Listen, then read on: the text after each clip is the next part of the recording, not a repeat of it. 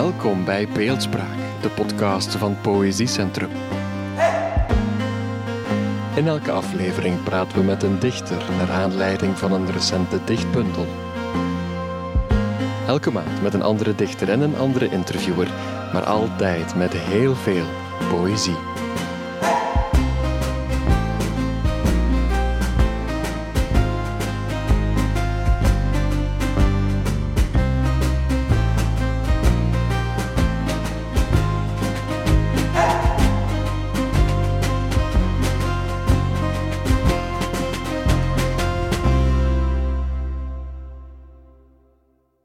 Welkom bij Beeldspraak. Mijn naam is Virginie Plateau, ik ben cultuurjournaliste.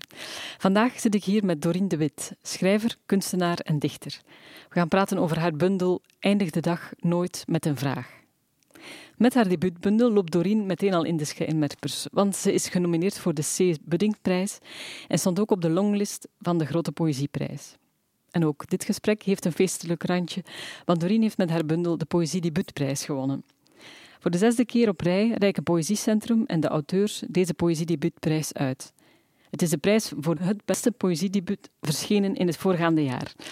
De winnaar ontvangt 1500 euro. Alle Vlaamse en Nederlandse poëziedebuten, uitgegeven bij een reguliere uitgeverij, tussen 1 januari en 31 december 2021, kwamen in aanmerking. En jij hebt hem dus gewonnen, Doreen. Proficiat. Dankjewel. We vallen meteen met de deur in huis. Eindig de dag nooit met een vraag. De dag is nog niet om, maar uiteraard wil ik dit gesprek graag met een vraag beginnen. Beeldspraak, denk je in beelden? Dat is een hele goede vraag, ook een moeilijke vraag. Want beeld is wel echt het vertrekpunt voor wat ik doe. Maar ik kan niet zo goed beeld en woord scheiden op de een of andere manier. Want ik merk dat een, een, uh, een woord voor mij ook zo beeldend is. Het is al natuurlijk als je een boek leest, dan ja, bij sommige boeken beland je meteen in een film. Um, in mijn poëzie en wat ik schrijf is een beeld vaak wel het uitgangspunt.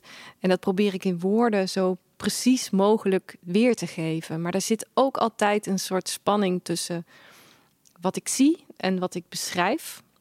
En daar, dat sluit heel vaak niet helemaal aan.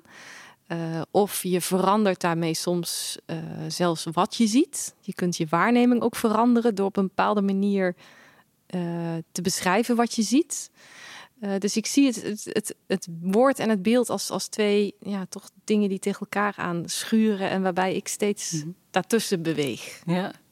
Ja, je zei het zelf al, waarneming is heel belangrijk. Je wordt wel eens waarnemingsdichter genoemd ook. Je bent vergeleken met K. Schippers. Is de werkelijkheid al beeldrijk genoeg? En hoor je eigenlijk alleen maar te kijken? Is het misschien dat wat je ons toont, uh, wat we te weinig doen? Echt zien wat er is, wat zich aandient en waar we misschien geen aandacht aan geven? Ik denk dat, dat ik, ja, ik vind het heel vlijend trouwens, de, de vergelijking met, met K. Schippers. En ik, ik heb ook heel vaak een, uh, een opvrolijkend gedicht van hem in mijn hoofd. Dat heet Bij Loosdrecht. En ja. dat, misschien kent, uh, ken je het wel, uh, dat gaat als volgt. Als dit Ierland was, zou ik beter kijken. En dat vind ik zo mooi gezegd, hoe je op een andere plek lijkt je nieuwe ogen te krijgen. Terwijl het niet zo is dat die omgeving specialer is. Maar doordat je echt opnieuw kijkt, uh, ja, zie je andere dingen en kun je je verwonderen over dingen. Hmm. En ik denk dat bij mij dat waarnemen, het is aan de ene kant wel een nieuwsgierigheid. Um, die ik ook zie in de poëzie van, van een andere dichter die ik heel erg bewonder en die ook uh, wel mijn mentor is geweest, K. Michel. Die kijkt met echt zo'n opgewektheid vaak de wereld mm -hmm. in.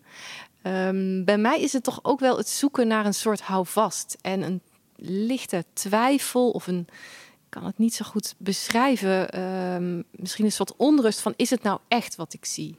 En dat zit hem ook in hele visuele dingen. Hè? Dat, je, dat je bijvoorbeeld bij de horizon soms niet meer ziet waar het water ophoudt en de lucht begint. Dat is een heel concreet ding. Maar zo zijn er een heleboel dingen in ons dagelijks leven waarvan je kunt afvragen: is dit wel? Uh, hè, ik sla een hoek om en zakken alle gebouwen achter me in. Dat is natuurlijk een beetje fantasie, mm -hmm. maar toch. Dus het is ook een soort grip krijgen op de wereld om me heen. En dat zit hem, ja, dat is toch verbonden aan, aan die waarneming. Wat zie ik? Hoe beschrijf ik dat? Hoe kan ik een wereld opbouwen door dingen te beschrijven? Mm -hmm.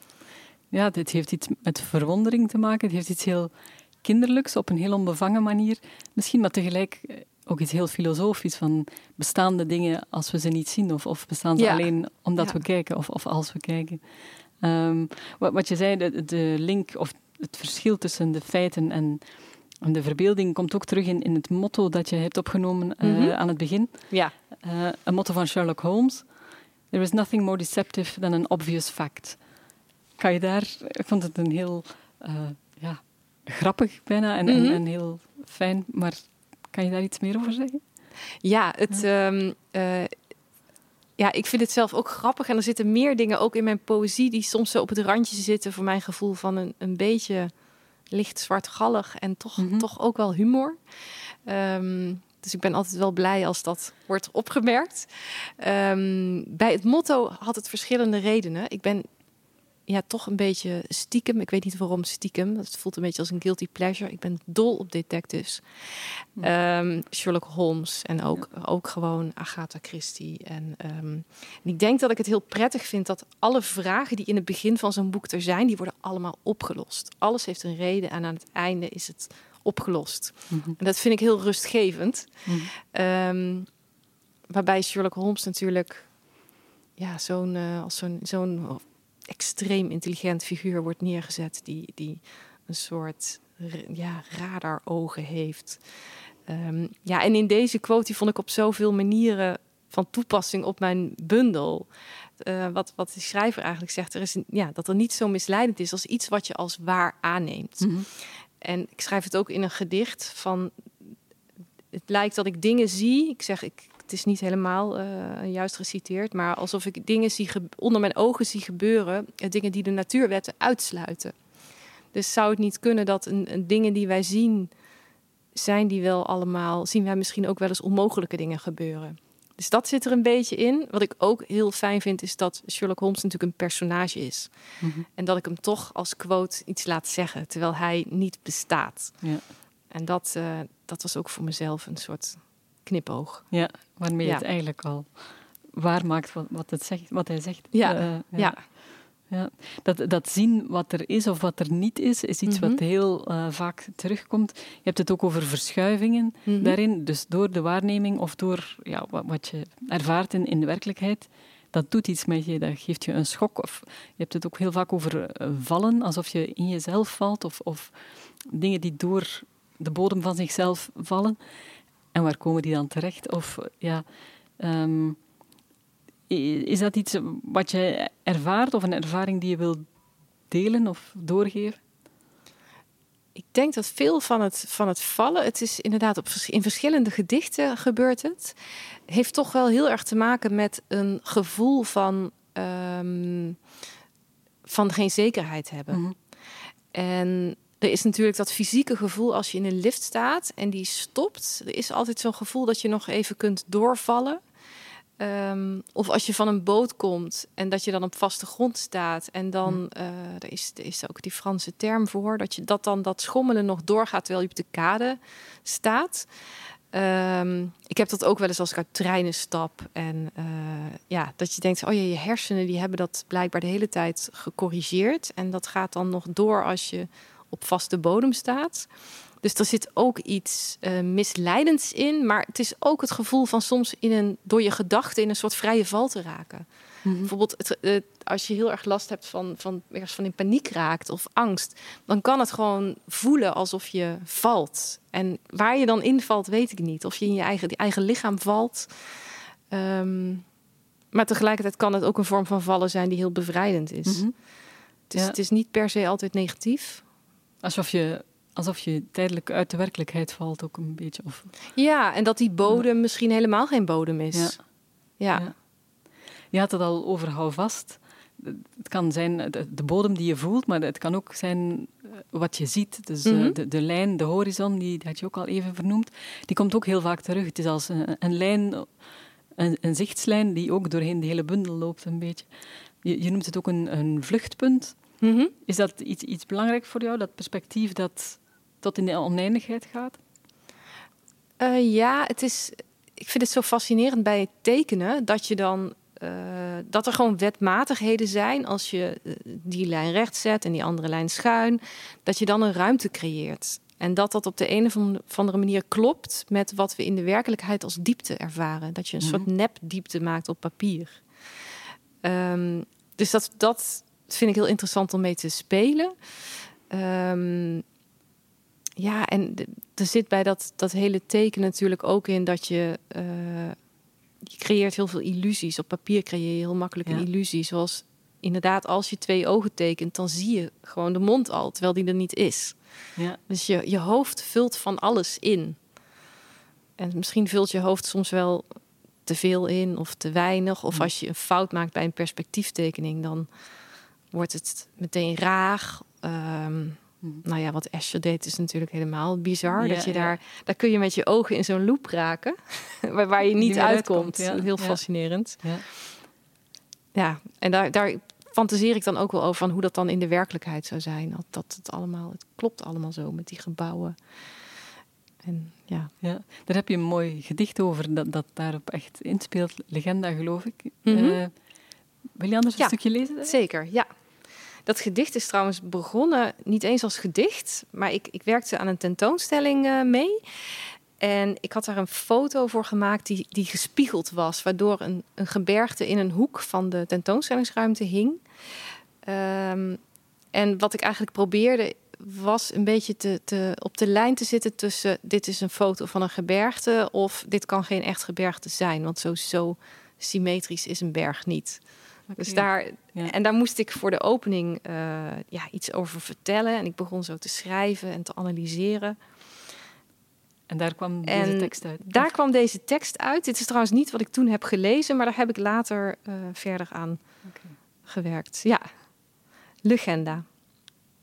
Een lijn op papier is een grens tussen twee vlakken. Een golvende lijn betekent dat de grens beweegt. Twee golvende lijnen onder elkaar zijn water. Mijn vingertoppen maken afdrukken op alles wat ik aanraak. Elke vinger heeft een eigen patroon als hoogtelijnen op een plattegrond. Ik laat een spoor achter op de tafel, de potloden, mijn glas. In de bergen is de horizon een golvende lijn. Staand op een berg ben ik onderdeel van die lijn. Ik pak de bovenste steen en verander de horizon. De steen is een bergtop die in mijn handpalm past. Ik gooi de bergtop in het dal. Ja, dank je. haalde het zelf al aan, je bent ook beeldend kunstenaar. Um, dit gedicht ja, verenigt beide en, en tegelijk maakt het heel duidelijk de grens uh, tussen beeld en taal uh, duidelijk en, en daar speel je ook mee. Maar beeldspraak in de zin van metaforiek, mm -hmm. komt die ook aan bod of, of gebruik je die ook in je poëzie of misschien ook in je beeldend werk? Ik denk, ja, dat, dat zal zeker zo zijn. Maar ik merk net als bij dit gedicht dat ik zo um, uh, als een redenatie dit heb opgebouwd vanuit een beeld, vanuit, vanuit het tekenen. Dat voor mij het echt is begonnen met dat landschap, of met die tekening, het lichaam, landschap, horizon. Um, maar je kunt daar ook metaforen in zien. Alleen ik heb het niet um, vanuit een metafoor bedacht. Ja. En dat vind ik wel mooi als, als mensen dat eruit halen. En ook dat het dan meerdere uh, betekenissen krijgt. Um, dat het beeld andere beelden oproept. Uh, dat wel. En dat, zo zit het vaker in mijn poëzie, denk ik. Dat ik, dat ik wel heel erg vanuit het beeld werk. Um, maar dat is soms ook echt dat wat het is. Ja.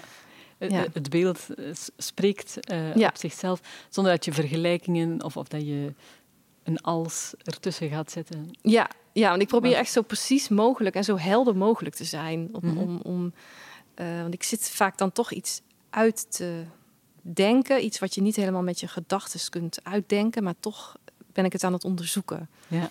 En bepaal je dan vooraf of je dat in woorden gaat doen, of in een installatie of in een beeldend werk?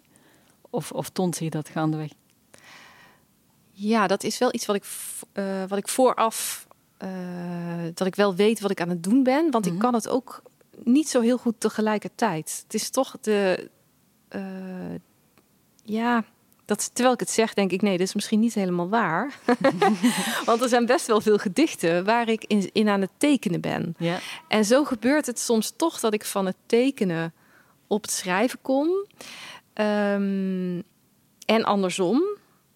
Maar als ik bijvoorbeeld voor een, een, een tentoonstellingsproject werk, dan is het wel zo dat ik echt op een andere manier werk. Dat, ik, dat toch een ander gereedschap is. Uh, ik heb bijvoorbeeld mijn laatste werken waren audiowerken, een audiowandeling en een soort soundscape uh, in een ruimte. En dan ben ik op een andere manier aan het schrijven. Dat is wel anders dan voor iets wat op papier is en wat compact is. Um, alleen de inhoud, ja, je ziet wel dat merk ik zelf minder. Maar een ander ziet wel meteen, oh ja, dat komt uit hetzelfde hoofd. Terwijl, ja, er zijn ook bepaalde vragen die zich meer lenen voor, voor beeld of voor een soundscape dan voor een gedicht. Dus in mhm. die zin bepaal ik dat wel tevoren. Ja. En, en ehm, je hebt ook een gedicht, denk ik, waarin je ehm, plannen maken. Ja, ja, waarin je precies uh, ja, in woorden wel kan mhm. wat je misschien in, in reëel beeldend werk door praktische omstandigheden niet zou kunnen. Dus eh, het kan elkaar wel ja. Uh, aanvullen. Ja, zeker. Ja, want er zijn gewoon dingen die... Uh, soms is het heel fijn nadenken over dingen die ik zou willen doen of mhm. maken. En door die alleen al te noteren... Uh, is dat in dit geval een gedicht geworden. Het zijn ja, misschien toch een soort... niet zozeer mislukte kunstwerken... maar nog niet uitgevoerde kunstwerken. Um, en dat vind ik ook zo fijn aan het schrijven. Dat je er geen materialen voor nodig hebt, geen ruimte, geen. Uh, je moet, ja, de woorden zijn je gereedschap. Dat is op zich al wel moeilijk genoeg, maar toch, je hoeft niet te kunnen lassen, monteren. um, ja, en dat, dat is wel heel fijn aan de poëzie. Dat, ik weet ook nog toen ik afstudeerde op uh, het Sandberg Instituut, toen was mijn, een van mijn docenten uh, F. Starik. Die had ik ook speciaal gekozen omdat ik steeds meer aan het schrijven was. En die vroeg me toen ook, wat heeft nou gewonnen, het woord of het beeld? Daar kon ik toen ook niet op, op antwoorden als, als keuze. Um, maar, maar dit is wel een voorbeeld van, oh ja, het is zo fijn dat het schrijven, dat dat kan in woorden. Dat, het, uh, dat ik dat ook kan doen. Mm -hmm. Ja. De vrijheid is nog groter omdat het niet door ja, praktische ja, terwijl als ik dan een tijdje aan het schrijven ben, dan vind ik het juist ook weer heel fijn om weer even uitstap te maken naar het beeld. Dus zo gaat het steeds heen en weer. Dat is mooi. Ja, en steekt het elkaar aan. Ja. ja. Want het lezen van je gedichten zorgt ook wel, uh, als je de hele bundel doorneemt, voor een veranderende perceptie. Alsof je je waarneming als lezer uh, en zelfs je lichaamsbewustzijn dat, daar gebeurt iets mee. De, de, schok en de verschuiving waar je het over hebt, mm gaat ook heel geleidelijk bij de lezer. Die aanwezigheid in de ruimte lijkt precies meer fluide te worden of zo. De, de werkelijkheid vervormt. En, en, dus eh, je, veroorzaakt wel een effect in het hoofd van de lezer, waardoor die anders misschien naar de werkelijkheid kijkt. Ehm, ja, dat hoop ik. Ja, ja, ja. Dat is wel, uh, ja. ja. Je hebt het ook vaak over leegte die je pas ziet als iets verdwenen is. Mhm. Ehm, dus het, het, afwezige aanwezig stellen in zijn afwezigheid is iets wat je misschien alleen in woorden kan, of niet? Ja, want dat is wel iets wat zo onzichtbaar is. Mhm. Het, het uh, alle lucht die we verplaatsen op een dag. En hoe de lucht, hoe, hoe dat bestaat uit in- en uitademingen van mensen. Um, ook van mensen die er niet meer zijn, zeg ja, je ergens. Precies, ja, precies. Ja, ook dat. Ja, ja dat vond ik een mooie gedachte. Ja, ja en dat zijn, is eigenlijk... Nou in mijn ogen is dat een soort gegeven, maar ook zoiets bizars. Dat mhm. dat... Um, ja, terwijl dat om ons heen is en we het niet zien. Mhm. Ja.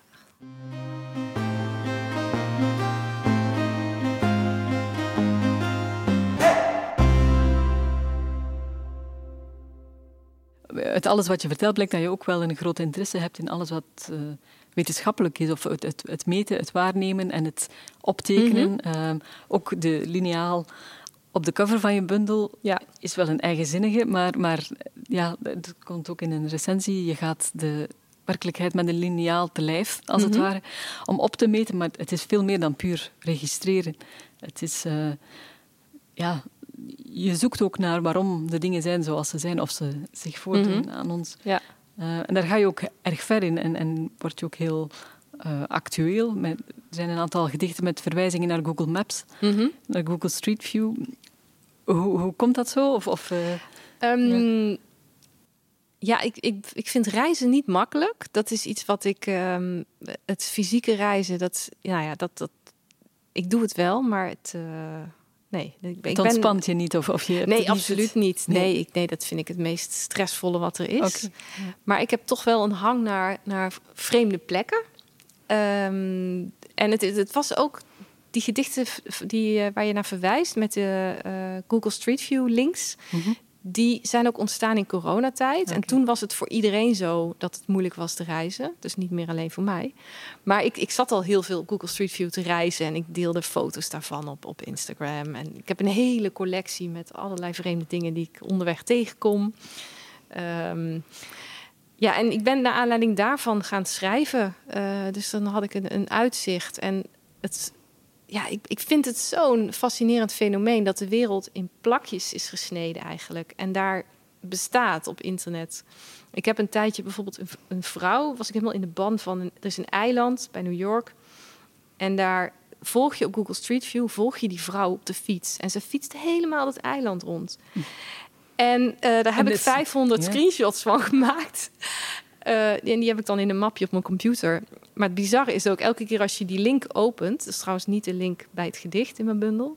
maar als je die link opent, dan zie je haar gewoon weer. En het is bijna zo'n oude bekende van mij nu... ik denk, oh ja, ze is er nog. Ja. En er zijn dan natuurlijk ook... dat haalt misschien de poëzie er een beetje af... maar er zijn mensen, meer mensen naast mij... die de- haar hebben gevonden en die dan helemaal in de ban daarvan zijn. Wie is die vrouw? En die gaan dat uitzoeken. En dat blijkt dan een gids van dat eiland... die bewust voor de Google-auto uitfietst. Ah, oké. Ja. Ehm, maar dat soort dingen. eh, ik vind het ook fascinerend dat het nooit nacht is op Google Street View. En nou heb ik één plek gevonden in Japan waar het schemert. Nou, dan ben ik gewoon helemaal eh, gelukkig dat ik de schemering heb gevonden. Ja. ja, het is wel iets bijzonders. Het is heel verslavend. Ja. Maar ja, in die, in die gedichten deel ik eigenlijk. ehm, eh, het, het is wel ja, geïnspireerd op die uitzichten die ik zie, maar ook de verbazing over eh, hoe zo'n landschap zich voor je ontvouwt. eh, dat je met een muisklik kilometers aflegt. Ehm, ja, en, en hoe dat fysiek ook voelt. Mhm. Want ik word dan echt een beetje die computer ingezogen. Eh, en soms er zitten ook heel vaak foutjes in het beeld. Dat, dat er, ik schrijf over een brug die, eh, die instort. Ja, en die brug is doordat er twee foto's zijn gecombineerd, is het Ja. ook een heel bizarre brug geworden. ja. Het zou wel mooi zijn om die in het echt dan ook na te bouwen. Zo, twee van die stukken. Ehm, ja. Ook de, de werkelijkheid die een beetje een videogame wordt bijna. Of, Ja. of nog net En, niet. en het mooie vind ik dan dat misschien die videogame dan de werkelijkheid weer beïnvloedt. Dus dat Ja. je terug, net als met die, het gedicht Legenda, dat je daar de bergtop... Nou ja, dat is gewoon een steen op die berg. Die gooi, je- die gooi je in het dal en daarmee heb je de bergtop in het dal gegooid. Dus dat je met je verbeelding de werkelijkheid echt kunt veranderen. Ja. ja. Je zegt je reist niet graag, maar heel veel gedichten, en, en wat je Mhm. ook net vertelde, gaat wel echt over een plek vinden. Waar, waar ben ik? Hoe, eh, hoe situeer ik me in de ruimte? Waar zijn anderen? Wat is die verhouding? Zou, zou dat het centrale thema is misschien een groot woord, maar, maar de, de essentie zijn van wat je wil onderzoeken? Ja, het heeft heel, veel te maken Ja. met oriëntatie. En oriëntatie in de tijd, eh, in mijn eigen lichaam. Eh, hè, hou ik op bij mijn huid of niet? En Hm. ehm, waar ben ik eigenlijk? En niet alleen van hè, mijn coördinaten, maar waarom is een, voelt het anders om als je op een andere plek bent en voelt het in de ene kamer veiliger dan in een andere kamer? Of ehm, en het, het werkt voor mij wel om naar andere plekken te gaan dan thuis. Want ik schrijf wel heel graag onderweg. Eh, ik zit heel graag in de trein. Ik ga graag naar Schiphol. Om daar, eh, nu is, het, is daar eh, sprake van topdrukte. Maar Ja. daar kun je gewoon in de vertrekhal in zo'n shiatsu-stoel zitten. Dan moet je een euro ingooien en dan gaat hij je rug masseren. Ehm, en dan hou ik er wel heel erg van om in die bewegingen te zijn. Ja. In, in het, ehm, zonder zelf te hoeven bewegen, de reizende mensen te zien. Ja. Ehm, of naar een wegrestaurant doe ik ook wel eens. Dan ga ik daar zitten. Dus dan hoef ik er geen deel van uit te maken. Ja. Maar dat is wat anders natuurlijk dan naar Bangkok vliegen of zo. En dat, zou, dat vind ik dan moeilijker. Ja. Liever dat de werkelijkheid zich aan je voorkomt doen dan dat je er moet ja, echt ja of de zijn. trein naar, naar Vlissingen of Antwerpen. Dat, dat soort dingen. Dat zijn wel mijn productiefste momenten. Ja. Als ik zo in beweging ben. Ja. En, en is het dan ook een kwestie dat je heel hard observeert van wat op, op dat moment rond jou gebeurt, of de landschappen die voorbij komen, of is het ook het fysieke Ja, er, bewegen? Dat, er verandert ja. volgens mij iets als... Ik denk dat het voor veel mensen geldt als je ehm, je context een beetje kwijt bent. Je dagelijkse context. Hm. Ehm, en dan komen er vanzelf dingen boven. Of dan zie je dingen gebeuren. Dat is toch iets wat, denk ik, automatisch Hm. gaat. Wat je... ehm, ja, waar je een situatie voor creëert. Zoals sommige mensen eerst, eh, ja, ik weet niet wat, wat. Er zijn altijd van die beschrijvingen van bepaalde beroemde dichters of filosofen die dan eerst eh, vijf rondjes om hun huis lopen en dan een sigaar roken en dan, eh, nou ja, een Ja, ritueel. ja. En, en dat is voor mij werkt het om weg te gaan en om naar een. eh, het kan ook gewoon eh, van Amsterdam naar Almere zijn of Ja. iets, een nieuwe plek. Zoals K. Michel zei dat ook nog een keer tegen mij op. Op een thuis gebeuren niet per se bijzondere dingen. Dat geldt misschien voor heel veel mensen wel, maar Mhm. als ik iets nieuws wil bedenken, dan moet ik ook even naar een nieuwe plek. Ja. Ja. Het is ook een beetje denken aan eh, wat Herman de Koning zei: van je moet om de plek te bereiken niet enkel thuis weggaan, maar ook uit manieren van kijken of zo. Dus Ah, Ja. ja.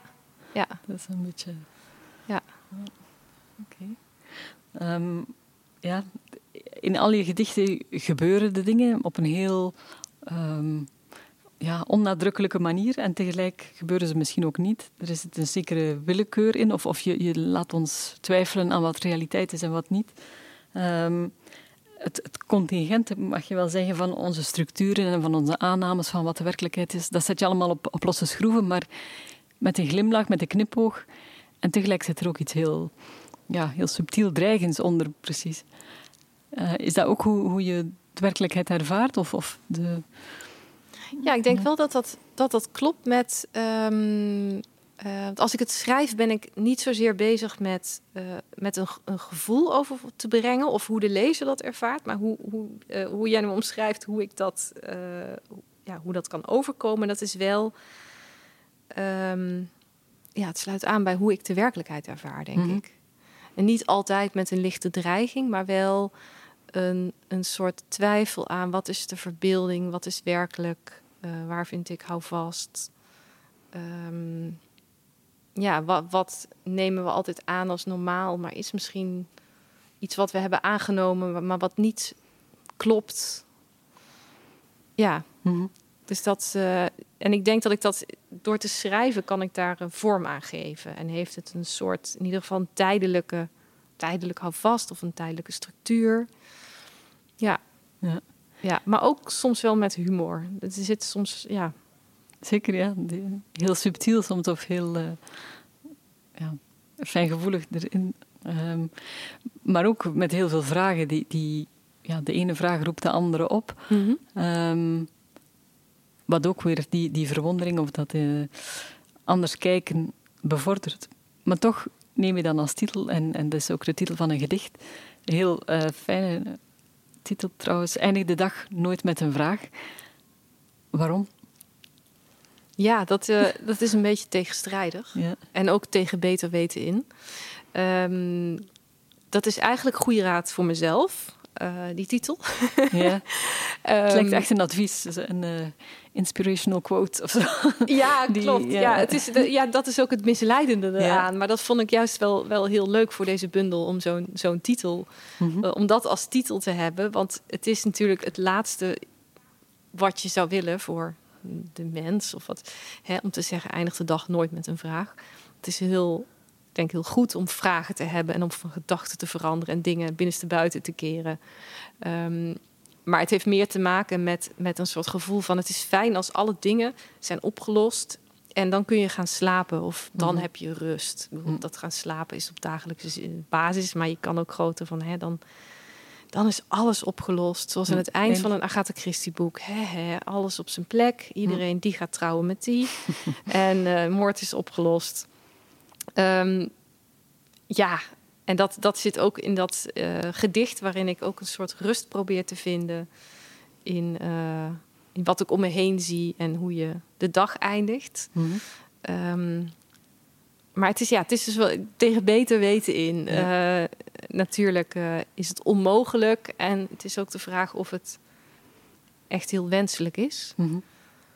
Ja, maar meer nog dan iets dwingends kan het ook gewoon iets, iets geruststellends hebben van...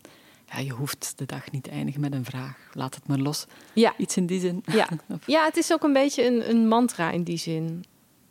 Ja. Ja. ja. Oké, okay. dankjewel. Wil je nog een fragment ja, lezen? Zeker. Um, nachtlichaam. Ik word wakker van iemand die door mijn hoofd stampt. Mijn bonzend hart. Ik kijk om me heen, maar kan de muren niet zien. Ik raak mijn hand, mijn arm, mijn nek aan. Je voelt verkeerd, bromt de man. Hij doet het voor. Duwt met zijn duim waar het steeltje zat waar het groeien van de avocado begon. Ik wil thuiskomen in mijn lichaam zoals anderen er thuiskomen. Maar mijn huid verbergt weefsels en organen. Zolang ik ze niet kan zien of aanraken, besta ik uit vreemde plekken. Angst voor het donker is angst om in slaap te vallen, is angst voor de dood die groeit door de vraag: waar eindigt mijn lichaam? Ingebeelde ziektes beginnen meestal bij de huid. Vastgesteld is dat een marinade met een snelheid van 2 mm per uur vlees binnendringt. Hoe kun je samenvallen met je lichaam als je nooit de binnenkant bereikt? Dat is mooi.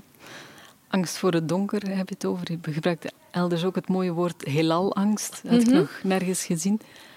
Ehm, het is die, die enorme ruimte die om ons heen is, die inderdaad een soort van angst oproept. En dan ja, de huid als, als scheiding tussen eh, het lichaam.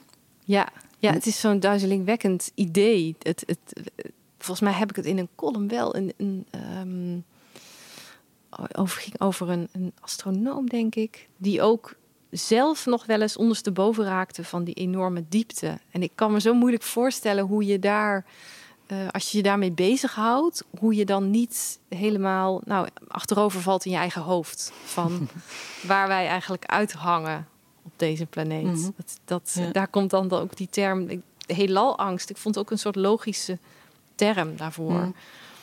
Ja, Ja, iets wat Blaise Pascal ook al zegt, hè, van de enorme ehm, stilte van die oneindigheid Mhm. jaagt ons angst aan. Maar anderzijds doet het me ook denken aan die ehm, astronoom, die Franse astronoom die nu bekend heeft dat zijn opname met de Webb-telescoop eigenlijk een plakje chorizo was. Nee! Oh, wauw. Ja, maar- Oh, nou, dan ga, ga ik, dat ga ik uitzoeken. Dat klinkt fantastisch. Ja. Nou ja, ook, ook weer niet. Wat een oplichterij. Maar ja. jeetje. Nou, en ik vind het ten opzichte van het heelal zo bizar... dat we ons eigen lichaam... dat ik ehm, de binnenkant van mijn lichaam niet kan zien. Mhm. En dat mijn vader moest een open hartoperatie ondergaan. Dat ik dacht, die dokters hebben zijn hart gewoon vastgepakt. Dat is een bizar idee dat dat pas in zo'n situatie... Ja, dat wil je ook niet eerder, maar zoiets intiems. En zo... Ja, dus dat zijn wel twee dingen die heel erg liggen aan de basis van alle vragen in ja, mijn bundel. ja. Ja. Waarmee we weer bij je motto misschien Ja. uitkomen, de feiten en de verbeelding. Ja, die heel ehm, mooi, heel rijk en heel divers aan bod komen in een bundel die toch een heel mooie lijn of spanningsboog heeft, waarin veel elementen terugkomen en waarvan we het advies ter harte zullen nemen, maar toch blijven vragen stellen. Eindig de dag nooit met een vraag van Dorien de Wit. Heel hartelijk dank voor dit gesprek. Dank ook aan eh Poëziecentrum en dank aan Bibliotheek Oostende voor eh, de gastvrijheid om deze podcast op te nemen.